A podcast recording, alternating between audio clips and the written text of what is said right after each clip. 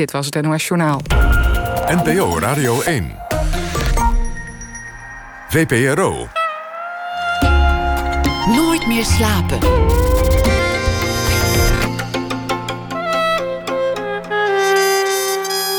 Met Pieter van der Wielen. Goedenacht en welkom bij Nooit meer slapen. Mijn gast komend uur won een uh, prestigieuze prijs voor wetenschappers. De Stevin-premie, een bedrag van 2,5 miljoen euro. Voordat u aan sportwagens denkt, te besteden aan onderzoek. Ze is lid van de Koninklijke Academie voor de Wetenschappen, professor in Leiden. Het begon allemaal anders. Ze groeide ooit op in een klein dorp in de buurt van Groningen. Daar werd ze getreiterd. Ze viel buiten de groep, onder meer vanwege haar Indische uiterlijk. En dat thema zou haar de rest van haar leven blijven bezighouden. Hoe gaan kinderen om met andere kinderen? Kinderen die anders zijn dan zijzelf. En is dat gedrag aangeleerd? En is het ook weer af te leren? Judy Mesman is hier. Studeerde psychologie, was een goede student, promoveerde vervolgens, hield zich bezig met maatschappelijke vraagstukken en specialiseerde zich uiteindelijk in opvoeding. En vanavond heeft ze ook al een boek gepresenteerd. Opgroeien in kleur.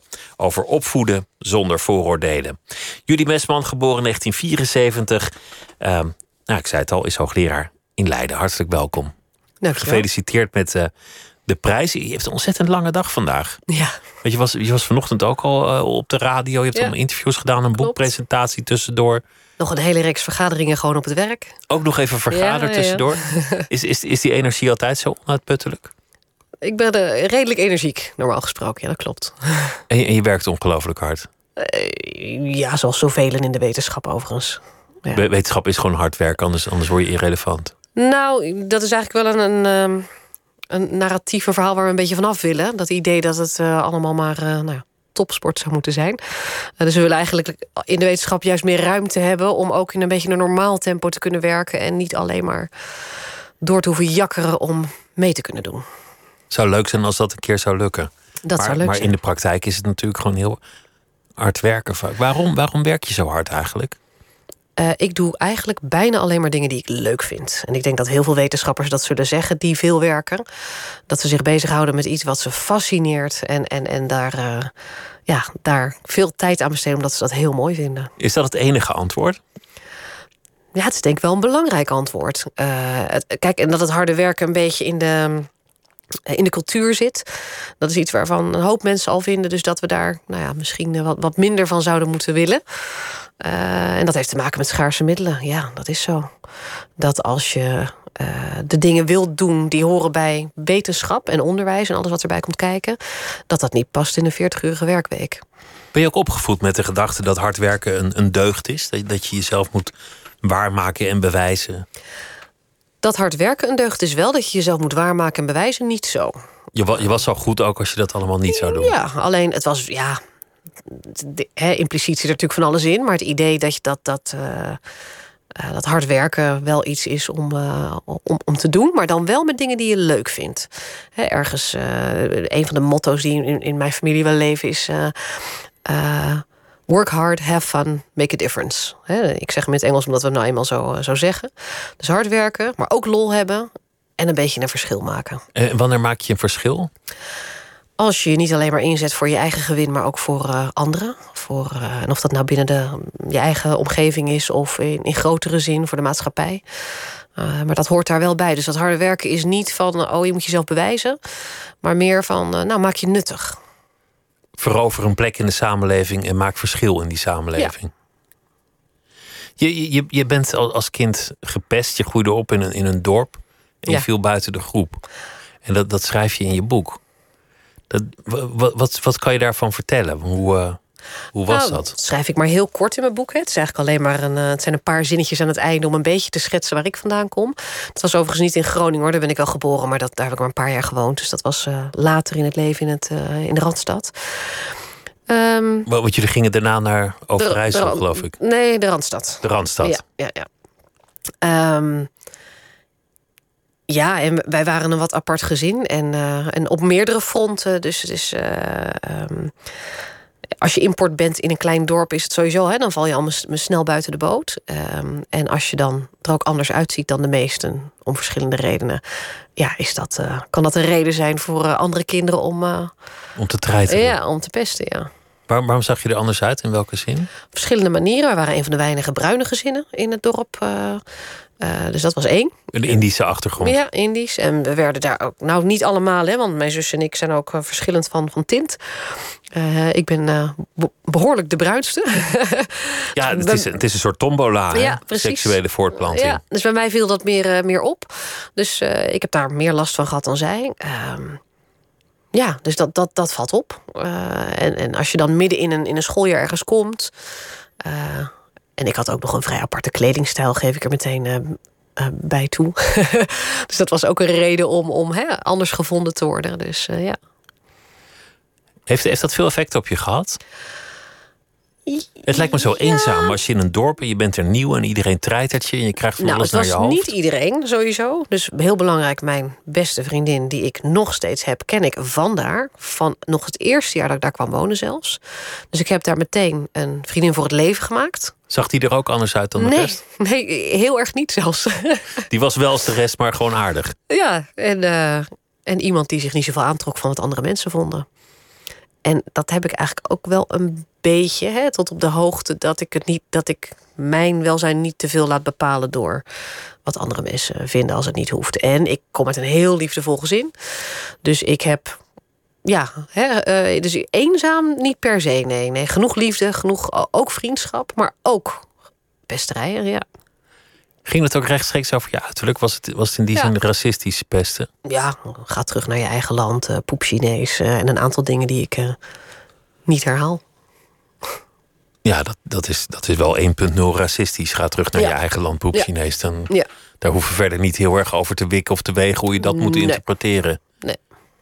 Wel, wel interessant als je, als je je later dan als wetenschapper ook met dat soort thema's bezig gaat houden. Ja, en dat is nog niet eens zo lang, hè? Eh, ik heb heel lang gewoon tussen aanhalingstekens onderzoek gedaan in de, vraagstukken. nou, in, de pedagogiek, eh, over opvoeding, over gedragsproblemen bij kinderen, over hè, eh, iets meer huistuin en keuken. en door de jaren heen ging het mij opvallen dat een aantal thema's eigenlijk nergens aan bod kwamen in het Nederlands onderzoek naar opvoeding en ontwikkeling van kinderen. En daar is dit er één van. Maar het is niet dat ik eh, de wetenschap in ben gegaan met, oh, dit ga ik nou oppakken. Dat is iets relatief recents. Het is later pas, Ja. pas een thema geworden. Ja. Je zei een liefdevol gezin. En, en zo te horen ook wel een idealistisch gezin. Ja. Ja, eh, ouders die zich altijd maatschappelijk hebben ingezet, die eh, ook thuis praten over de gebeurtenissen in de wereld, eh, over onrecht, over eh, ja, dat was bij ons wel een. eh, zo ben ik wel opgevoed, ja. Ook, ook een gezin een beetje on- onder de, de schaduw van het koloniale verleden. Met, met een koloniale oorsprong, in zekere zin. Nou ja, dat, dat geldt natuurlijk voor elke Indo. Ja, precies. Eh, dat, ja, dat is zo. En dat is heel interessant, omdat ehm, dat is aan de ene kant een particulier verhaal. Hè, van, van, van, nou ja, goed, ik ben een individu en ik heb een, een stamboom. En tegelijkertijd is dat, kom ik er steeds meer achter hoe dat particuliere verhaal staat voor dat grotere verhaal.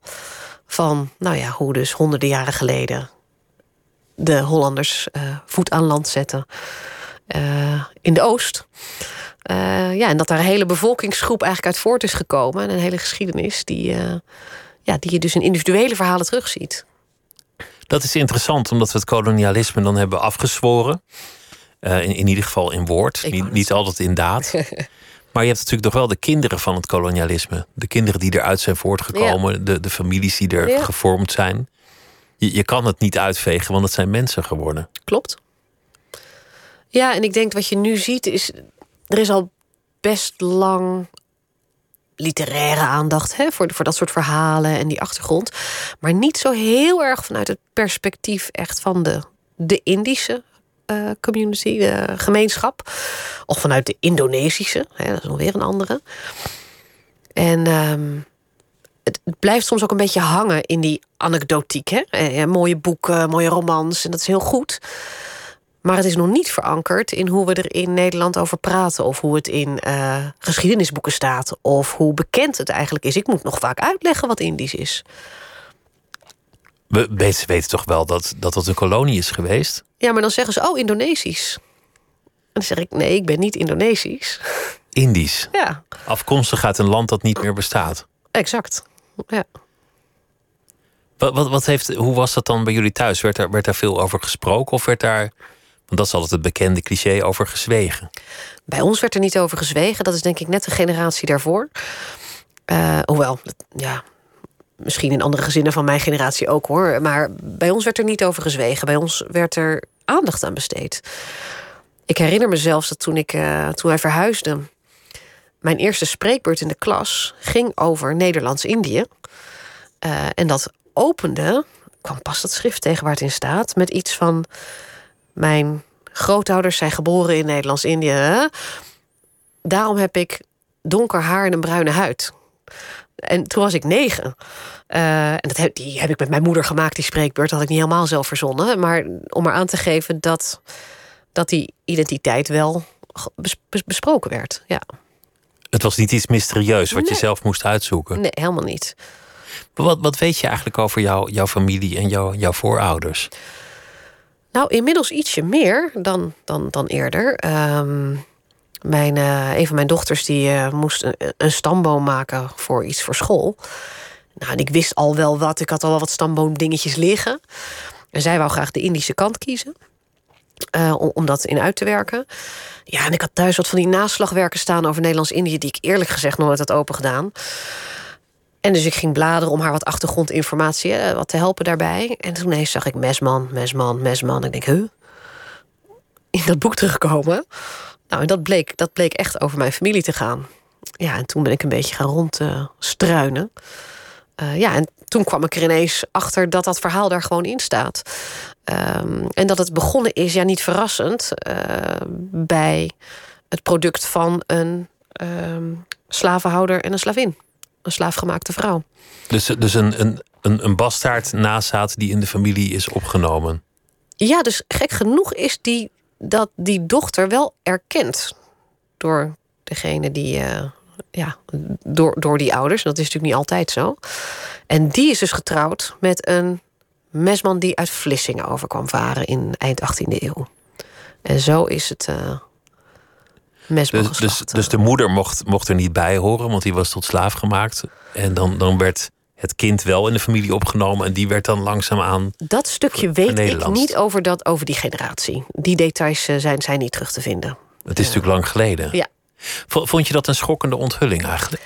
Dat dat, het verleden dan ook in jouw genen terecht dat had het niet moeten zijn, want ja, het kan bijna niet anders. Dat als je uit die hoek komt, dat ergens dat soort verhoudingen een rol spelen in je stamboom. Dat, dat speelt voor heel veel van die families. Ja, Alleen ik wist het gewoon niet. En dus toen was het best ja, schokkend. Ik was er niet, uh, niet, niet van ondersteboven.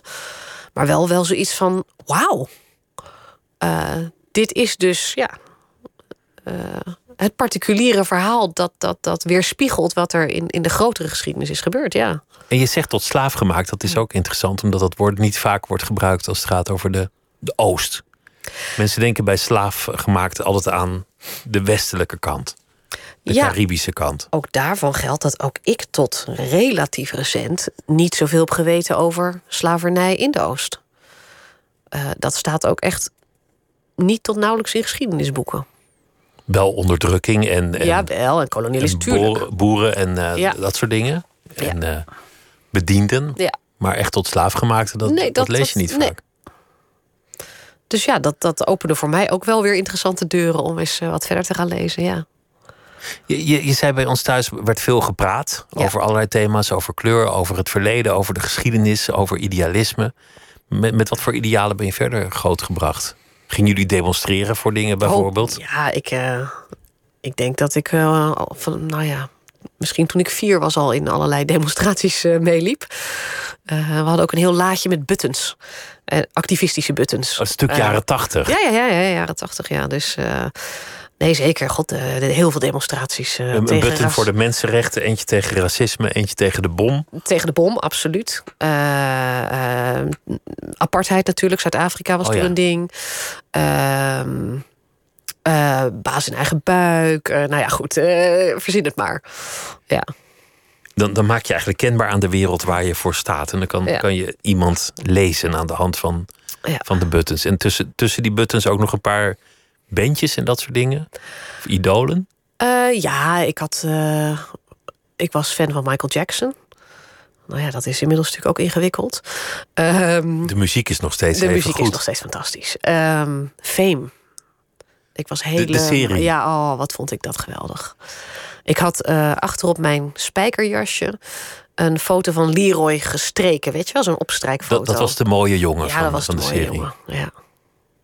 Geweldige serie. Ik weet niet of hij het zou overleven als je hem nu zag. De maar film vind ik nog steeds wel leuk, maar dat is meer eh, een soort nostalgie dan dat het. eh, ja.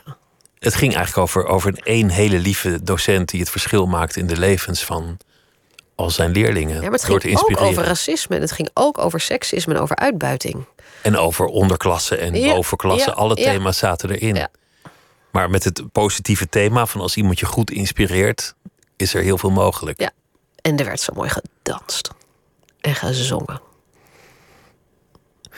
Wanneer eh, werd je gegrepen door het leren? Want, want jouw leven staat heel erg in het teken van, nou ja, van, van het hoofd. Mm. En van het schrift en van het lezen. Als ik mijn moeder moet geloven, ben ik gewoon zo geboren. Was je altijd al? Ja, altijd al zo'n eh, zo'n stuutje. Zo Een werd ik stuut, vroeger, ja, ja. zo werd ik vroeger ook wel genoemd. Ja, een studiebolletje. Altijd alles willen weten. Dingen opzoeken, puzzelen, letterlijk en figuurlijk. Ehm, ja, dat. En ook altijd een hele goede leerling geweest. Ja. Niet altijd een hele makkelijke leerling, maar wel een goede leerling. In, in welke zin niet makkelijk? Nou, ik was ook wel recalcitrant, dus eh, ik werd er met enige regelmaat uitgestuurd. Ehm, maar als je dan goede cijfers haalt, dan eh, kun je iets meer maken dan als je dat niet doet. Recalcitrant zit er nog steeds wel in. Je, je hebt het weten te kanaliseren, maar Ja. een rebel ben je nog wel, denk ik. Ja, dat is dus relatief eh, allemaal. Eh, vergeleken met mensen die hele andere levens leiden dan ik. Ik eh, doe toch wel mee in de mainstream op heel veel manieren. Maar binnen die mainstream doe ik dingen die misschien niet iedereen doet. Nee. Nou, laten we het hebben over de academische wereld. Hmm. Ik, ik ben altijd dol. Ja, je zou moeten huilen, maar je kan maar beter lachen. Op anekdotes van vrouwelijke hoogleraren die op een receptie staan. en dat dan zo'n man binnenkomt Ja. en zijn jas in de handen duwt. Ja. Herken je meteen? Jazeker. Ja, of eh, ervan uitgaat dat jij de notulen maakt of eh, de koffie eh, komt brengen. Dus dan sta jij als hoogleraar Ja, op een receptie en zegt iemand koffie met suiker, Ja. alstublieft. ja dat gebeurt. Nog steeds.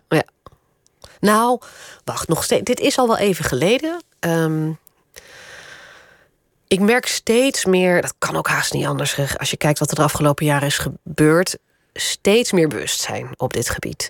Ik maak ook steeds vaker mee dat ik in een of andere selectiecommissie zit en eh, aan het kijken zijn, goh, wie gaan we aannemen? En dan gaat het misschien tussen een man en een vrouw. Dat ik dan niet degene ben die hoeft te vragen, goh, hoe is het eigenlijk met de genderbalans in het team op dit moment? Hè? Eh, want zoiets kan potentieel de doorslag geven als de twee goede kandidaten zijn. Maar dat een, een, eh, een, een oudere witte man dat gewoon zegt. Dat overkomt me steeds vaker. Dat hij zelf zegt van goh, een Dat vrouw zegt, in het ja, team zou misschien ik ben wel. eigenlijk heel benieuwd. Kan iemand mij even vertellen wat, wat die balans is? En, eh, en in hoeverre we dat e- even meenemen in wat voor besluit we hier nemen. Kom ik steeds vaker tegen. En dan denk ik, wat, he- wat heerlijk dat ik het niet heb hoeven zeggen.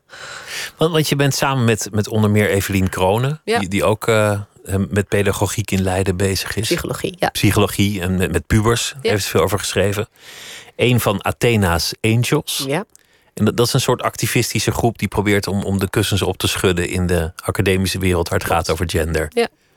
En een van jullie thema's was ehm, de galerij van de hoogleraren, van de, de portretten. Want, want hoeveel vrouwen hingen er daartussen? Eén. Eén. Op, op hoeveel portretten? Oh, eh, meer dan 100. Ja, het is, eh, dus, dat is de Snaatskamer in Leiden. Dat is een hele prachtige, statige oude, oude kamer met allemaal van die portretten. Maar er was ooit een, ik heb begrepen, ongeschreven regel dat je dood moest zijn om erin te hangen. Maar als je dat aanhoudt, dan duurt het nog heel lang voordat vrouwen aan de beurt komen. Want wij zijn er pas net. Dus als we dan ook nog eerst dood moeten voordat we erin mogen, dan. eh, dan Dat is een vertragend effect. En je moet Ja. geschilderd zijn. Dat is natuurlijk ook niet meer iedereen. Nee, nee, nee, nee. Dus eh, wij hebben toen inderdaad een, een actie eh, samen dus met Ineke Sluiter en Naomi Ellemers, de andere Angels, gedaan. Waarin we toestemming kregen van het CVB. Dus ook, ook lof dat ze ons dat hebben laten doen.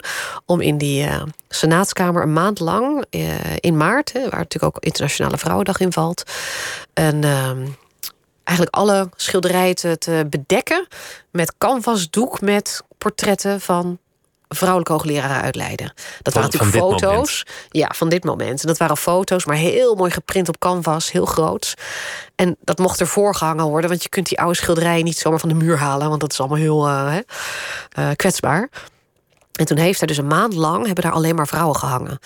En we hadden zelfs toestemming van eh, het Koningshuis om Willem van Oranje, die boven de schouw hangt, te vervangen door Beatrix.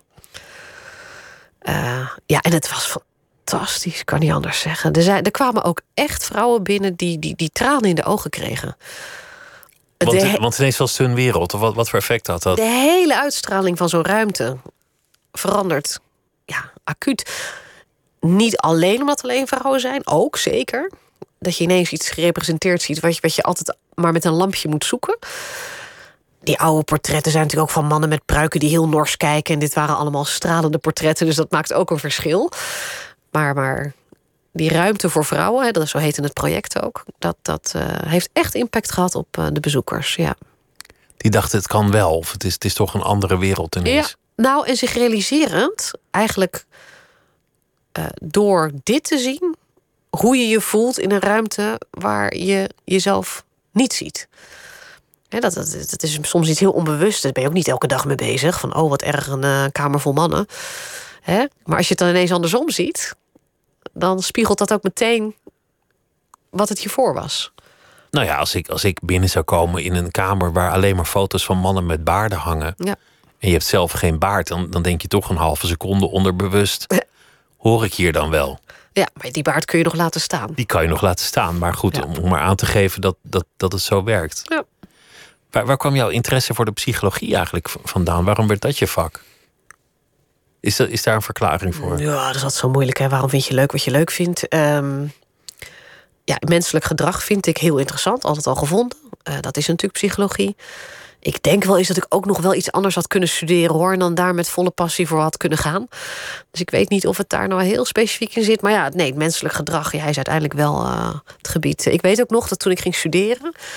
Mijn eerste vak, inleiding in de psychologie. eh, was een enorm dik boek natuurlijk. Ik heb het verslonden. Ik vond het fantastisch. Dus ik wist wel, ik zit hier op de goede plek. Ik heb het van A tot Z helemaal. Ik heb het ook nog staan. Het is natuurlijk enorm gedateerd inmiddels. Maar Maar alles over de menselijke geest en het menselijk gedrag. En Ja. Dat was de fascinatie. ja, Over die, over die man-vrouw verhouding. Je leest steeds vaker dat, dat meer vrouwen dan mannen gaan studeren. Mhm. Dat mannen langzaamaan lager opgeleid worden. Dat vrouwen meer excelleren in studies. Ja. Dat meer vrouwen kiezen voor een vervolgstudie of een, of een promotie dan mannen. Dus, dus de balans zal uiteindelijk op enige termijn omdraaien. Niet voor elk vak hetzelfde. nee, zeker niet. De, de segregatie zit hem nu meer eh, horizontaal dan verticaal, zoals we dat dan noemen. Dus het is meer een verschil nu tussen domeinen dan dat het is eh, tussen de niveaus. Helemaal omdraaien, zover gaat het niet. Hè. Het zijn uiteindelijk relatief kleine verschillen. Eh, maar je ziet wel een trend, klopt. Heb je zelf wel eens trouwens vooroordelen? Betrap je jezelf wel eens op een te snel oordeel? tuurlijk. Absoluut. Over, ja, eh, ja, ik heb het ene verhaal heel vaak verteld. Dus ik weet niet of ik het hier moet herhalen over eh, mijn, eh, de anekdote bij de kleermaker. Wat was de anekdote bij de kleermaker? Ehm, Welke kleermaker dan? gewoon bij mij op dorp. En ik ging daar wat ophalen en ik loop binnen en er staat voor mij een mevrouw. En de kleermaker zegt tegen die mevrouw: Oh, komt u de toga ophalen? En het eerste wat ik denk is: Oh, zou haar man bij ons werken? Dat is natuurlijk gekkigheid. Ik ben een vrouw met een toga.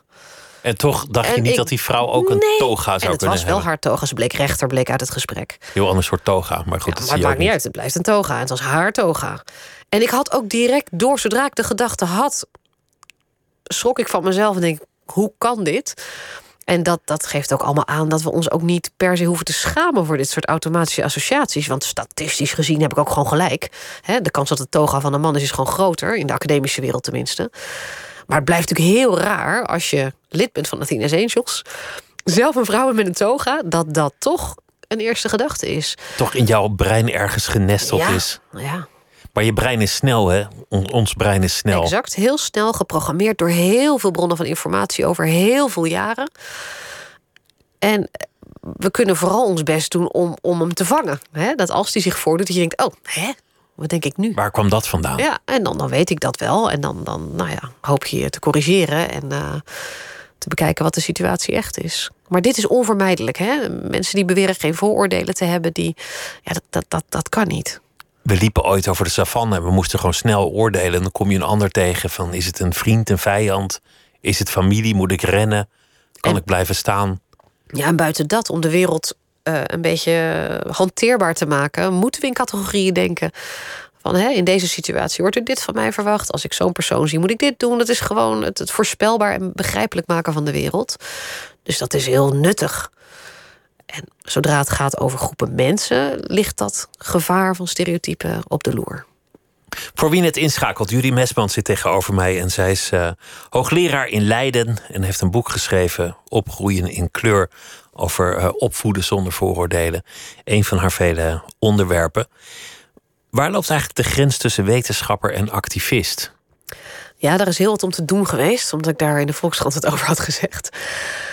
Ik zei dat loopt in elkaar over en dat is ook zo, maar, maar misschien niet op de manier waarop sommige mensen denken. Um, ik denk dat veel wetenschappers, met name in het sociale domein, die hebben een passie voor een onderwerp omdat ze het belangrijk vinden. Omdat ze er een verschil in willen maken. Als dat gaat over thema's zoals, nou ja, ik heb als kindermishandeling als voorbeeld genoemd, depressie, suïcide, uh, maar je kan ook kanker gebruiken zelfs. Dingen die iedereen naar vindt. En zegt, nou, ik wil mijn wetenschappelijke werk inzetten om dit beter te begrijpen, zodat we hier wat mee kunnen, aan kunnen doen dan zegt niemand, nou, dat is activistisch. Nee, dat is de onwetenschappelijke vooronderstelling dat ziekte bestreden moet worden, of rechtvaardigheid nagestreefd, of dat, ja, dat uh, klimaatverandering bestreden moet worden. Nou, zo kan je heel lang doorgaan. Ja, ja, en ik denk dat bij bepaalde onderwerpen nemen mensen dat aan. Oh, wat, wat, wat fijn, een betrokken wetenschapper die kennis inzet om, om de wereld beter te maken. En bij een onderwerp als racisme denken mensen meteen: oh, die mevrouw die, die doet vooringenomen onderzoek en die wil alleen maar uh, resultaten hebben die, die haar uitkomen. En dat, dat is geen sinds het geval. Het blijft gewoon onderzoek. Het blijft onderzoek. Uit nieuwsgierigheid. Juist. Maar waar de grens natuurlijk zou kunnen liggen, is dat de een reikt kennis aan en daar houdt het op, en de ander probeert ook iets maatschappelijk teweeg te brengen. Ja, heel veel wetenschappers in het sociale domein proberen wel iets teweeg te brengen. Uh, er zijn ook heel veel activistische wetenschappers. Ja, die zijn er ook. En, en uh, zolang helder is waar je het hebt over je wetenschap en waar je het hebt over, over hè, wat, wat daar aan raakt, dat is denk ik belangrijk. Um, en het is niet zo, dat is ook wel interessant, dat ik uh, krijg wel eens reacties van, van lezers, burgers die, die uh, mij dan e-mailen. En die zeggen: ja, de resultaten staan al vast als, als u dit onderzoek doet. Maar dat ik word regelmatig verrast door mijn resultaten. Ik weet van tevoren niet wat eruit komt. Dat is het mooie aan onderzoek. Dat je een vraag hebt. Uh, het probeert met goede methoden hè, te onderzoeken. En dan krijg je een antwoord. En dat antwoord is lang niet altijd wat ik dacht. Maar in een, in een goed wetenschappelijk functionerend bedrijf, als iemand voor ingenomen onderzoek zou doen, zou een ander dat zo kunnen overdoen en falsifiëren. Ja. Daar, daar heeft de wetenschap in voorzien dat, dat het niet van één persoon en het vertrouwen in één persoon afhangt. Nee, en het wordt natuurlijk ge, ge, uh, gereviewd. Daar heb je vast een goed Nederlands woord voor. Geëvalueerd door collega's voordat het gepubliceerd wordt. Uh, het wordt uh, geëvalueerd als ik een voorstel schrijf. Hè. Dus eer ik überhaupt geld heb om onderzoek te doen, wordt er door heel veel mensen en commissieleden bekeken of dit een solide onderzoeksopzet is. Dus er gaan enorm veel stappen aan vooraf voordat ik überhaupt aan onderzoeken kom, toekom en een resultaat heb. Er is veel over te doen over uh, de academische wereld, omdat veel mensen zeggen het wordt dogmatisch, het wordt uh, ideologisch gespleten. Mm. De polarisering die in de samenleving is, die, die is inmiddels ook in academia aan de hand. En dat is eigenlijk iets dat haak staat op wat academia zou moeten zijn. Namelijk niet gepolariseerd. Het is juist een, een, een soort matigende factor. Je kunt de feiten aandragen. Ja, ik weet niet of ik dat helemaal met je eens ben. Ik ben een beetje eens dat de polarisatie in de maatschappij ook in de academie plaatsvindt. Uh, we staan ook niet zo los van de maatschappij als, als mensen wel eens denken. Het zijn ook maar gewoon mensen het zijn natuurlijk. Gewoon mensen. Het zijn gewoon mensen. Um, ja, of polarisatie wel of niet hoort bij de wetenschap. Als je erover nadenkt, heel vaak gaan, uh, gaan wetenschappelijke programma's en domeinen over is, is het deze theorie of die theorie? Het zijn soms wel echt uh, met elkaar concurrerende hypotheses over hoe dingen zitten. Um, dus, dus het idee van, van dat er echt tegen, tegengestelde ideeën kunnen zijn over hoe iets zit. En dat er onderzoek nodig is om te laten zien. Nee, het is niet A, het is B of andersom. Ja, dat is, dat is ook best wetenschappelijk. Dus dat dat wetenschapmatigend zou moeten zijn en naar een soort, soort midden. Dat, dat geloof ik niet dat ik dat met je eens ben. Nou, wat, wat ik bedoel is in de samenleving. Dat wetenschappers aan de samenleving kunnen zeggen: ah, oké, dit hebben wij gevonden, dit zijn de feiten. Los van ideologie of los van hoe je er zelf over denkt. Je hebt recht op je mening, maar deze feiten reiken wij even aan. Ja, en dan ga ik toch ook. Ik ben wel wetenschapper, dus ik zou heel erg van de feiten moeten zijn. Dat ben ik ook. Maar feiten zijn ook niet altijd zo hard als, uh, als ze lijken. Uh, ten eerste is, is er een selectie in wat er wordt onderzocht. He, dus dan kun je zeggen, ja, dit zijn de feiten. Maar als, al die, als heel veel andere perspectieven gewoon nooit zijn onderzocht, heb je daar geen feiten over. Ja, en dan worden die dus ook niet gedeeld. Wat je niet zoekt, zul je niet vinden. Precies. Dus zo'n feit kan wel een feit zijn, maar als daar tegenover mogelijk andere feiten staan die we gewoon niet weten, eh, kan dat natuurlijk een perspectief missen, waardoor dat feit misschien ook, nou ja, eh, allerlei nuances zou behoeven die we nu niet hebben. Dat is één. Ehm, en het tweede is dat, nou ja, dat is ook wel het sociale domein. Dat vinden mensen ook lastig. Bijvoorbeeld over gender. Doe ik onderzoek over gender en opvoeding. Uh, ik, geef, ik heb veel presentaties gegeven op dit gebied. En wat ik dan doe, is dat ik begin met al het wetenschappelijk onderzoek dat laat zien dat jongens en meisjes fundamenteel verschillend van elkaar zijn. Dat kan heel goed. Met biologisch onderzoek, testosteron, muizenstudies, uh, apenstudies, verzin het maar. En dan zie je het hele publiek knikken van... oh ja, zie je wel, altijd al geweten. De een komt van Mars, de ander van Venus. Dat hele verhaal, precies. En, en ik laat alleen maar onderzoeksresultaten zien. Hè? Grafieken, dingen, prachtig. Nou, en dan ben ik klaar met het stuk en dan zeg ik... nou, normaal gesproken hè, hoort u alleen deze kant van het verhaal. Maar gelukkig hebben we nog even tijd. En dan nou, draai ik het volledig om. En dat, de tweede helft vertel ik al het wetenschappelijk onderzoek... dat laat zien dat het allemaal opvoeding is is ook allemaal goed gedegen wetenschappelijk op. Dus nurture, niks nature. Ja. Dus, dus uh, maar ik neem mijn verantwoordelijkheid als wetenschapper, vind ik, op het moment dat ik dus een presentatie hou waar die beide volledig in zitten om aan te geven. En dat is niet zo'n heel populaire boodschap. Het is ingewikkeld. Maar eigenlijk is wetenschap veel ingewikkelder dan, dan we vroeger in onze naïviteit wel eens dachten. Vroeger dacht je van, nou ja, dan heb je een professor die doet onderzoek. Het is wetenschappelijk, het is bewezen. Dus dit is de waarheid. Maar, maar je moet natuurlijk veel dieper onder die motorkap kijken om echt te weten wat er is onderzocht en wat er is gevonden. Ja, en zeker als het over menselijk gedrag gaat, want dat is natuurlijk hartstikke complex. Dus het is dan ook je taak om, om dus niet dat eenzijdige verhaal te houden en te zeggen: dit zijn de enige resultaten. Ik kan één van beide praatjes natuurlijk gewoon houden. Maar dat doe ik nooit. Ik geef altijd beide praatjes in één keer. Omdat je ook de, de optie van je eigen ongelijke open wilt houden. Nou ja, dat, dat dus dat andere ook waar is. En dat ja, en dan kom je met een flauw soort genuanceerd verhaal waar sommige mensen heel erg ongemakkelijk van worden, want die hebben liever een waarheid.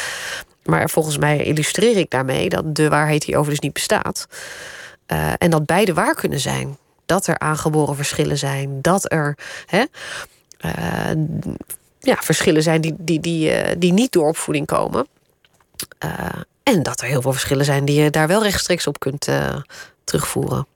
Opvoeding is, sowieso een, een, fantastisch onderwerp. Mensen die kinderen krijgen, die zijn in het begin altijd heel idealistisch. Die willen een soort ideale burger, een fantastisch mens van, van, hun, van hun kroost maken. In praktijk wint gewoon de praktijk, de alledaagse praktijk. Ik ken mensen die waren, die waren hartstikke overtuigd van het biologisch eten binnen een half jaar na de geboorte van, van het kroost zaten ze bij McDonald's. Ja. Zei ze, ja, het is wel makkelijk. Ja. En, en ze vindt het gewoon ook echt heel lekker. Ja. Dus, dus opvoeding is, is altijd het ideaal en de praktijk tegen elkaar afgewogen. Absoluut. En de praktijk is rommelig. En de praktijk is rommelig.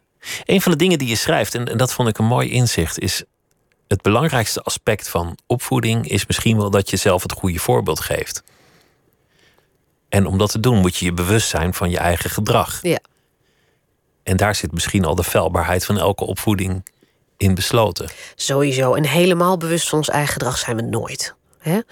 Ehm, maar dat, ja, ik noem dat ook wel eens een soort per ongeluk opvoeden. Hè? Omdat je nou eenmaal bent wie je bent, doet wat je doet, zegt wat je zegt hè? en leeft hoe je leeft.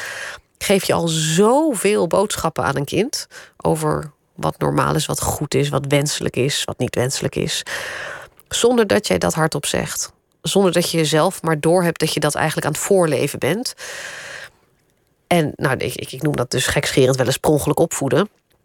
Uh, en dat, dat, dat is ook onvermijdelijk. En mijn pleidooi in het boek is het als het gaat over racisme. En, en je als ouder. Hè, want het, is, het boek is natuurlijk voor ouders die het belangrijk vinden en hier wat mee willen. Over dat onderwerp zou je niet al te per moeten opvoeden.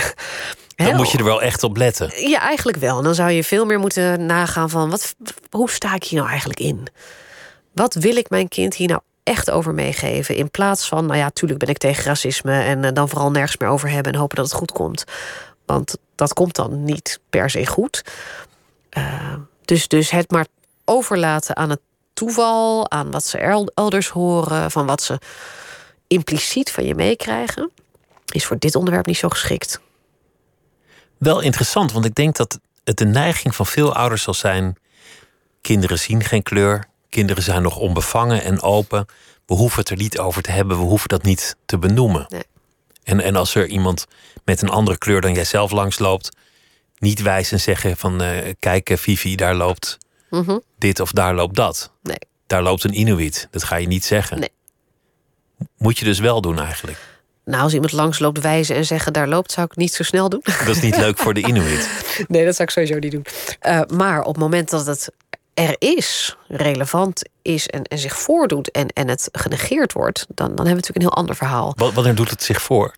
Uh, ja, gewoon uh, als je wel eens een boekje leest of iets op televisie kijkt. Of uh, als je het hebt over de buurman en je hebt twee buurmannen, één is wit en één is zwart. En dan ga je heel omslachtig over die zwarte buurman praten. Van oh ja, die lange meneer, weet je wel, met die gele auto. Terwijl het natuurlijk veel makkelijker is en ook veel logischer en veel meer in het oog springend dat die meneer zwart is. En, en, en dan niet geheimzinnig over doen. Nee, want dan ben je het actief aan het vermijden. Je hoeft het niet continu te benoemen. Maar op het moment dat het super voor de hand ligt om er wat over te zeggen en het dan niet te doen, dat is waar het, uh, waar het lastig wordt. Dus als kinderen vragen hebben, gewoon eerlijk antwoord geven eigenlijk. Het, het andere perspectief is natuurlijk ook interessant. Namelijk als je kinderen van kleur opvoedt. Ja. Wat, wat moet je tegen kinderen zeggen? Je wil natuurlijk niet meteen zeggen van nou, je zult veel problemen tegenkomen in je leven en het is een, een groot gevaar. Want dat lijkt me niet echt een lekker begin van je leven als je al meteen de put in wordt gepraat. Mm. Ja, daar ging het gesprek net ook over bij de boekpresentatie. Dat uh, het voorbereiden op discriminatie eigenlijk. Hè? Is... het, het, weerbaar maken van je kind. Ja, daar wordt in Amerika wel veel onderzoek naar gedaan. In Nederland, voor zover ik weet, niet tot nauwelijks. Terwijl het wel echt speelt bij gezinnen van kleur, weet ik. Ja, en dat is een afweging. Moet je dat doen? Moet je dat doen of niet? Dat is lastig te zeggen. Het hangt van heel veel dingen af. Uh, in Nederland is het dus eigenlijk nauwelijks onderzocht. Niet nauwelijks. Wat ik weet uit Amerikaanse studies... Uh, is het voorbereiden op, op, op, op negatieve ervaringen... kan goed werken als dat betekent dat zo'n kind dan weet dat het bij jou terecht kan als, het, als, als zoiets naars gebeurt. Hè? Dus als het gekoppeld is aan een, een, een ondersteunende, hè, troostende ouder die zegt: joh, dit kan gebeuren en dat is heel naar. Het is mij ook overkomen als kind. En dat ligt niet aan jou. Hè? Dat is gewoon hoe de wereld in elkaar zit. Eh, of in ieder geval sommige mensen in elkaar zitten en dat is naar. En dat kind maakt iets mee, herkent het, kan ermee thuiskomen en voelt zich dan gesteund en begrepen. Dan is het positief. Als de enige boodschap is: de wereld is een enge, nare wereld waarin het voor jou alleen maar eh, ellendig zal zijn. Kun je je voorstellen dat dat eh, een ander effect heeft. Dus dat zijn, er zijn best wel subtiele verschillen in, in hoe dat wordt aangekaart. Dat geldt eigenlijk voor alle thema's in de opvoeding. Ja. Moet je jong zeggen: de wereld is slecht en gemeen, de mensheid niet te vertrouwen? Ja. Of, of moet je toch tegen beter weten in wellicht een kind opvoeden met een beetje hoop? Ja, ik ben zelf een rasoptimist, dus ik ben altijd wel een beetje van de hoop. Maar ik ben net zo goed gewoon kritisch op de werkelijkheid. En die twee kunnen naast elkaar bestaan. Hè? Het is natuurlijk niet het een of het ander. Ik denk dat je, dat je kinderen in ieder geval moet zeggen dat er altijd meer mogelijk is dan, dan ze denken. Oh, dat zeg ik ook altijd. Ik zeg altijd. Uh, Geef ze vertrouwen. Ja, als het nog niet bestaat, moet je het zelf gaan maken. Hè? Of kun je het zelf? Je moet niks, maar kun je het zelf gaan maken? Dus niet denken, oh, dat is er niet. Goh, wat jammer. Nee, nou ja, dat is toch leuk. Dan, uh, die, die mogelijkheid, hè? dat je iets kunt creëren wat, wat er nog niet is, wat jij belangrijk of leuk vindt. Ja. Je noemde het voorbeeld van, van de galerij van hoogleraren, waar dan maar één vrouw hangt. Ja. Toch nu moeten, niet meer, hè? Nu niet meer. Maar daar moeten dus toch studenten generaties lang zijn binnengekomen en hebben gekeken en gedacht. En toch, toch ga ik het proberen en toch ga ik daar hangen. Ongetwijfeld. Toch ga ik het doen. Ongetwijfeld. En dat is eigenlijk een product van fantasie. Ja, en, en wat, wat, wat je dus ziet, uh, met name met de, de, de vroege vrouwelijke hoogleraren. Uh, je moest van hele goede huizen komen. Je moest wel heel graag willen. En die waren er. En die stegen boven alle voordelen uit. En die, die, die, die gingen het gewoon doen, ondanks tegenstand en, en behoorlijk nare ervaringen. Heel veel van die vrouwen zijn ook nooit getrouwd, hebben nooit kinderen gekregen. Om, om, nou ja, omdat dat blijkbaar in die tijd op die manier niet te combineren was. Uh, dus daar zit ook veel uh, opoffering bij hè, van andere Vroeger was het, was het in heel veel banen, ik weet niet of het aan de universiteit zat, maar in het, in het onderwijs in ieder geval, dat een vrouw zodra ze in het huwelijk trad ontslagen werd. Klopt. Ja, ik weet ook niet hoe dat aan de universiteit zat, eerlijk gezegd. En het salaris ging dan, als ze, als ze al een baan mochten houden, ging het salaris ja. naar de man. Ja. Want een vrouw met geld, ja, dat, dat wordt een ravage. Klopt. Ja, dus, dus je had vrouwen die die ene vrouw zagen, of misschien nul vrouwen zagen soms, en dachten: Zo, dan misschien moet ik die eerste vrouw worden die hier hangt. Maar dan heb je natuurlijk al een, een, een, een doorzettingsvermogen, een karakter, een, een drive nodig, die zo ver moet uitstijgen boven zomaar een gemiddeld iemand die denkt: Goh, wat een leuk vak. Uh, ja, dat waren hele bijzondere mensen. Dat is een van de, van de belangrijkste adviezen volgens mij in je boek. Geef rolmodellen. Geef, geef als je kinderboeken geeft, niet alleen maar kinderboeken met, met uh, mensen van, van, van een witte kleur bijvoorbeeld. Mm -hmm. Maar zorg dat, dat je ook rolmodellen aanreikt, mogelijkheden laat zien. Mogelijkheden laat zien, inderdaad. In, in verschillende rollen ook. Hè? En dus niet alleen maar die stereotypen. Uh, ik zie veel meer op de huidige kindertv. Uh, is, is de diversiteit behoorlijk groot. Hè, uh, een mooi voorbeeld vind ik, is dat dokter Addy, wil ik zeggen. In, in iets met steken en prikken. Een of ander kinderprogramma. Nou, dat is een, een, een hele donkere mevrouw. In een witte doktersjas, die daar als expert staat. En dus niet als, als, oh, we moesten wat kleur hebben, hop. Nou, ik weet niet hoe het gegaan is, ik was er niet bij. Maar ze heeft gewoon een professionele rol als expert. En daarmee is zij een dokter met, met, met expertise. Hè? Uh, en, en niet alleen maar geïdentificeerd door die kleur. En ik denk dat dat heel belangrijk is. Uh, dat, dat, dat, dat, die, dat mensen van kleur in allerlei soorten rollen kunnen zitten. Oh, kijk, een dokter, ja, dat kan ook. Oh, kijk, een advocaat, dat kan ook. Oh, kijk, iemand die uh, toevallig heel veel van vogels weet, kan mij nou ja, Je hebt het nu over kindertv. Bij, bij volwassenen tv zouden... Als je zonder geluid tv kijkt en je ziet een paar mensen met een donkere huidskleur... gaat het of over voetbal, of Correct. comedy... Of, of het gaat weer over racisme. De kindertv is ver voor op de volwassenen tv als ik het zo uh, overzie. Ja. Er zijn heel veel onderzoeken al, en die zijn echt beroemd. Ik denk dat heel veel mensen die filmpjes kennen, van echt nog uit de jaren 60, 70. Dat kinderen mogen kiezen tussen een witte pop of een zwarte pop. En dat ze eigenlijk allemaal de witte pop willen. Mm -hmm. Ook de zwarte kindjes. Mm -hmm. hoe, hoe zit dat tegenwoordig? Ja, um, dit onderzoek komt oorspronkelijk uit de Verenigde Staten. En daar is dat inderdaad zo gevonden. Uh, heel lang geleden alweer. Ja, nou, zelfs jaren 50 op een gegeven moment. Dat is vele malen herhaald en vergelijkbaar gevonden. Maar het hangt er ook wel heel erg vanaf hoe je het uitvoert. Dus welke vraag je stelt bij het welke aanbieden van de pop? je stelt, wie de vraag stelt, hoeveel poppen ze uit mogen kiezen en of ze moeten kiezen. Dus er zijn heel veel factoren die eigenlijk uitmaken uh, wat, de, wat de keuze bepaalt. Dat neemt niet weg dat het patroon wel in die richting blijft gaan. Maar dat, dat, dat hoe sterk dat effect is, wel, wel afhangt van dat soort. Uh, ja. Dan laat je meteen zien hoe weerbarstig een proef kan zijn. Ja. Je kan niet zomaar zeggen: Ik heb dit onderzocht en dat gevonden. Want iemand die het net anders doet, kan zomaar Klopt. op een heel ander resultaat komen. Exact. En dat is ook waarom uh, ja, in een wetenschappelijk artikel je natuurlijk heel precies moet rapporteren wat je hebt gedaan. Tot in behoorlijk detail zodat ook helder is, als je het zo doet, dan vind je deze resultaten.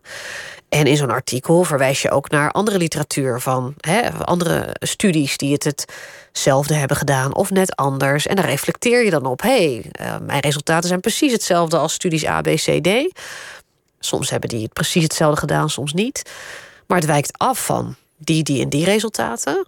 En dat zou kunnen komen omdat, nou ja, dat is dus heel erg complex en genuanceerd, maar zo gaat het in de wetenschap wel.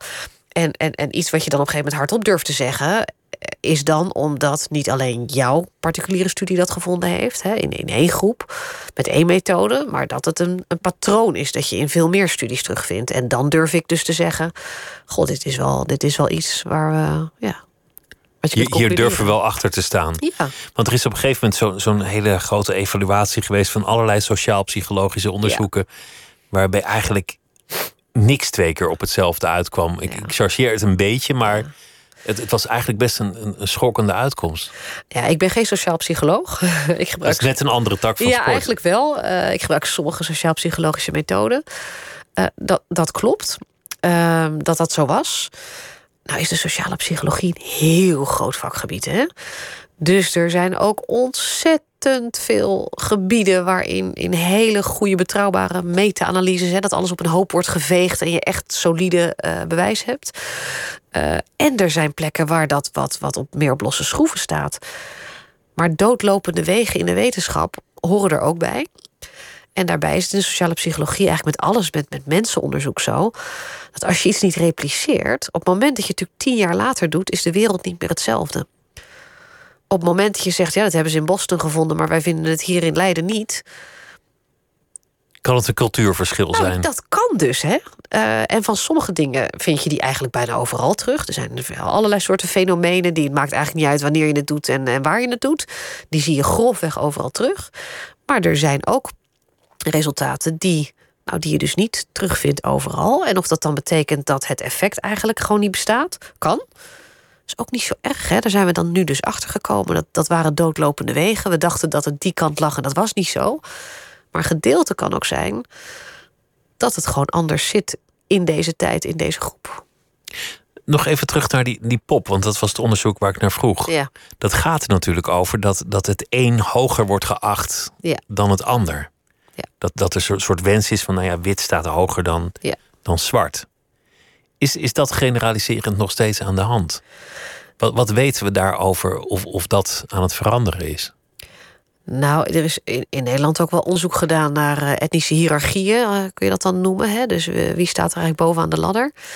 En in de afgelopen 10, 20 jaar is ook daar onder scholieren bijvoorbeeld gevonden dat die etnische hiërarchie gewoon bestaat. Zoals je hem stereotyp verwacht. Dus wit bovenaan en dan. Nog steeds. ja, ik, ik, weet even niet het jaartal van de meest recente studie. Maar dat is geen 50 jaar geleden, nee. Ja. Want, want wat veel mensen intuïtief denken is: kinderen maakt het niet uit. Kinderen zijn vrij van vooroordelen. Die willen gewoon met elkaar spelen. Die vinden elkaar lief of niet, maar die, die zijn nog niet vergiftigd met, met dat soort vooroordelen. Nou, dat is ook zo. Hè? Dat, dat kinderen fijn willen spelen en gewoon vriendjes willen maken en, en niet daar continu mee bezig zijn. Dat is absoluut ook zo. Dat ze het niet zouden zien, is niet waar. Hè? Dat, daar, daar is ze zijn veel... niet blind. Ze zijn niet blind. Dat is de meeste uh, niet. Nee, de, de meeste niet. Uh, dus ze zien wel degelijk de verschillen. Dus, dus het feit dat ze er niet over beginnen of er niet, niet, niet wat, wat, wat lijken te vinden, wil niet zeggen dat ze het niet zien. En in dynamieken in een klas gebeurt natuurlijk heel erg veel. Maar op het moment dat je ze dus onbekende andere kinderen laat zien, kiezen ze zonder iets te weten over die kinderen, toch de kinderen die op hun lijken. Ze gaan gewoon naast een vriendje zitten die op hunzelf lijkt. Ja, en dat is dus als je dat, dat is met, met, met plaatjes heb ik dat dan onderzocht. Andere mensen hebben dat ook onderzocht. Er zijn ook wel studies in, in klassen waar, waar vergelijkbare dingen in het echi, zeg maar, zo gebeuren. En dan komt natuurlijk het kennismakingsproces. Hè? En dat is natuurlijk waar het grote verschil in zit. In een, in een anoniem kind, waar je niets van weet, behalve hoe ze eruit zien. Dan gaan uiterlijke kenmerken gewoon een rol spelen. En als je ze allemaal ongeveer even aantrekkelijk maakt, hè, op allerlei manieren. Dus niet dat, dat, dat het ene kind, uh, nou ja, uh, een gezicht heeft dat dat doorgaans wat minder knap wordt gevonden dan een ander. Dan gaat huidskleur dus gewoon simpelweg een rol spelen. Toch wel, uiteindelijk. Ja, want je moet het dan ergens op beoordelen. En dan is dat blijkbaar toch een factor die die uitmaakt. Wat ik ook een interessant aspect vind aan, aan uh, nou ja, racisme en generaties, is dat heel veel tienerkinderen veel woker zijn dan hun, uh, dan hun ouders. En Ja. dat, er, dat daar conflicten uitkomen. Papa die zegt een woord en die wordt door zijn Ja. dochter eventjes aan, aan de eettafel gecanceld. papa is gecanceld, want papa gebruikt een woord dat wij niet meer gebruiken. Ja, ja, ja. Nee, want, want wij willen, eh, wat, was het ook alweer, eh, hij zij genoemd worden of zoiets. Mhm. of, of dat soort dingen. Docenten worstelen daarmee. Ja. De Leidse Universiteit, waar jij werkt, is een aantal keer in het nieuws geweest. Omdat een aantal hoofddocenten en, en hoogleraren zei: ik, ik durf niks meer te zeggen voor mijn klas. Die mensen komen niet om iets te leren, die komen om te kijken of ik alles wel geleerd heb. Ja. Hoe, hoe zie jij dat eigenlijk? Dat generatieconflict. Ja. ja, dat gaat een beetje over extremen. Eh, dat, Ja, anders haalt het de krant ook niet natuurlijk. precies, dat nieuwe generaties kritisch zijn over wat oudere generaties altijd vanzelfsprekend hebben gevonden. Dat lijkt mij heel goed passen bij de academie. Nieuwe inzichten. Je wordt ook opgeleid om kritisch te zijn. Ik wou maar zeggen. Dus dat, daar is op zich helemaal niks mis mee. En dat, dat de tijden veranderen, dat woordgebruik verandert, dat is van alle tijden. Dus dat gesprek en, en, en die, die, die dialoog over waarom zeggen we wat we zeggen en waarom doen we eigenlijk wat we doen en, en moeten we daar niet eens eh, wat kritischer naar kijken, hoort volgens mij heel goed in, in de universiteit thuis. Wanneer dat gepaard gaat met eh, ehm, ehm, ja, normen zetten op een manier die, die zo dwingend zijn dat, dat je inderdaad de dialoog plat slaat. Een cancelcultuur. Ja, cancelcultuur. Ik vind het altijd weer een rotwoord, omdat het ook wordt gebruikt wanneer het volgens mij niet van toepassing is. Eh, ik vind wel altijd dat er dialoog moet zijn. En natuurlijk moet de eh, racistische, seksistische taal zou ik in de collegezaal niet willen zien. Maar nuanceverschillen in woordgebruik, nuanceverschillen in het benaderen van een onderwerp, die moeten bespreekbaar zijn, want daar leren we wat van. Op het moment dat een student zegt: Ja, maar eh, professor X of Y, nu zegt u dit. En ik, ik zie eigenlijk, hè, eh, in onze generatie denken we er zo over. Daar moet een gesprek dan over kunnen zijn. Want anders leren we niks. Dan leert, dan leert die docent niks. Die student leert niet waar dat toen vandaan kwam. Je leert niet verkennen waar zo'n verschil dan vandaan komt, wat daar de context van is. En dat is een gemiste kans. Je leest heel veel voorbeelden, meestal uit Amerika, waar dan een, een, eh, een hoogleraar literaire wetenschappen een, een 19e eeuwse tekst voorleest en vervolgens eh, zijn spullen kan pakken. Ja. eh, hier- nou, in Nederland is iemand ontslaan van een universiteit vrijwel onmogelijk. Dus dat zal hier Die, die blijven er toch wel zitten. niet, niet zo snel gebeuren. maar er worden wel lezingen afgezegd en dat soort ja. dingen. Ja, met lezingen afzeggen is maar net een beetje de vraag. Eh, het hangt heel erg van, van, van het specifieke voorbeeld af.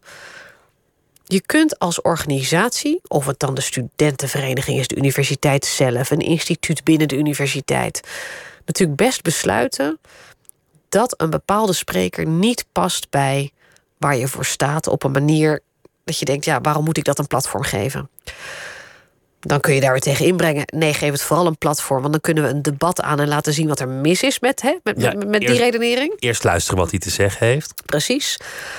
Die zijn er ook. En die gaan dat debat aan, zodat die kanten te horen zijn. En eh, dat ook de kant die onwelgevallig is, eh, gewoon re- van repliek wordt gediend.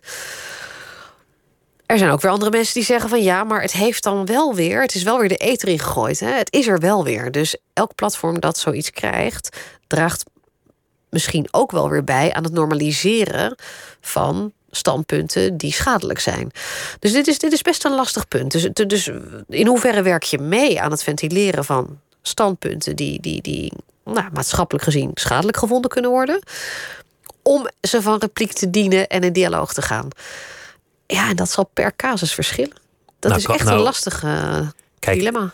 Als het bijvoorbeeld een holocaust-ontkenner is, dan zal iedereen het er denk ik over eens zijn in de academische wereld. Van nou ja, die, die Ja. moet je niet een collegezaal vol studenten gunnen. Aha, Laten we dat nou maar even niet doen. klopt.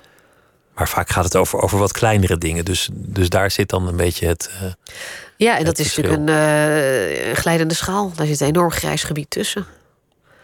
Wat, wat ga je eigenlijk doen met, eh, met, met dat fonds wat je hebt gekregen? Met de premie? Ja, Want het, is een, het is een aardig bedrag. Nou is onderzoek ook duur, maar Ja, ik ga vooral goede mensen aannemen. Want daar is, in de gedragswetenschappen is het daar waar je het van moet hebben. Ik hoef geen grote, dure apparaten. Ik, eh, ik heb goede mensen nodig. geen deeltjesversteller, maar gewoon Nee. mensen. Mensen. Het is, uiteindelijk gaat dit om mensen. Ik heb gelukkig een aantal fantastische mensen om me heen... die al jaren met mij werken. Maar door ook het klimaat op de universiteit...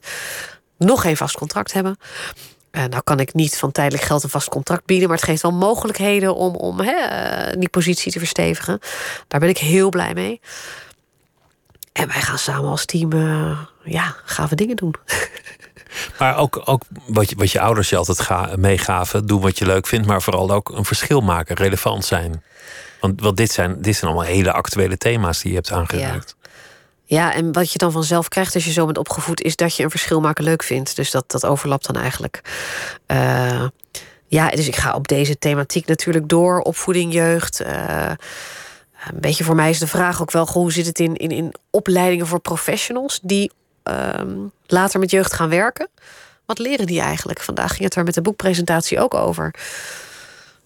In hoeverre krijgen die iets mee over dit soort thema's? En, en als ze dat al krijgen, wat dan? Uh, dat is natuurlijk ook als je een vraag stelt over het Nederlands onderwijs, het hoger onderwijs, al alle gebieden waar iets wordt overgebracht aan jongere generaties. Ja, vanuit welk perspectief gebeurt dat? Hoe worden we zelf opgeleid? En daar ben ik wel heel nieuwsgierig naar. En bijvoorbeeld, hoe zit het met, want dat was in de toeslagenaffaire een ding met uithuisplaatsingen. Jazeker. Is het inderdaad zo dat, dat bepaalde mensen sneller uit huis worden geplaatst dan anderen? En nou zijn die professionals eigenlijk goed geoutilleerd om door hun eigen vooroordelen heen te kijken? Ja, ik heb zelf. Uh, er is altijd het meeste aandacht voor mijn onderzoek naar racisme, omdat dat nu een hot topic is. Maar ik uh, doe al veel langer onderzoek naar opvoeding over de hele wereld. Ik heb uh, zo'n 10.000 uur aan video van gezinnen. Uit 25 landen, echt overal. Van Peru tot China tot Zuid-Afrika. En de artikelen, ik heb daar heel veel werk over geschreven. Meer nog dan over racisme sowieso. En wat daar heel erg uit blijkt, is dat die, ja, het klinkt zo logisch, maar dat die opvoeding er dus overal zo anders uitziet. Maar, en dat je wat verder moet kijken om dezelfde dingen terug te zien in een opvoeding die er op het oog denk je, nou, dat is gek, dat is heel anders dan bij ons. Maar als je goed gaat kijken en goed gaat analyseren, dan zie je dat een aantal dingen hetzelfde zijn, maar er gewoon anders uitzien. Dus, dus je kunt snel oordelen omdat je niet alle kennis hebt. En daar kan zo'n vonnis uit voortkomen, ja, eigenlijk. Want dingen zijn wel universeel soms, maar niet uniform. Dus ze komen overal voor, maar ze zien er niet hetzelfde uit. En ik maak veel mee als ik, als ik praktijktrainingen geef aan professionals. Dat ik, ik met videomateriaal kom en ze vragen van... wat heb je nou gezien? Dat je dat dan kan laten zien. Dat het heel helder is dat ze maar naar heel beperkte soort gedragingen kijken. Dank je wel dat je te gast wilde zijn. Judy Mesman, dankjewel. Het boek heet uh, Opgroeien in kleur. En ik wens je heel veel succes met het uh, onderzoek en met het onderwijs en met uh, alles wat je doet. En dit was Nooit meer slapen voor deze nacht. En morgen zijn we er weer. Een hele goede nacht.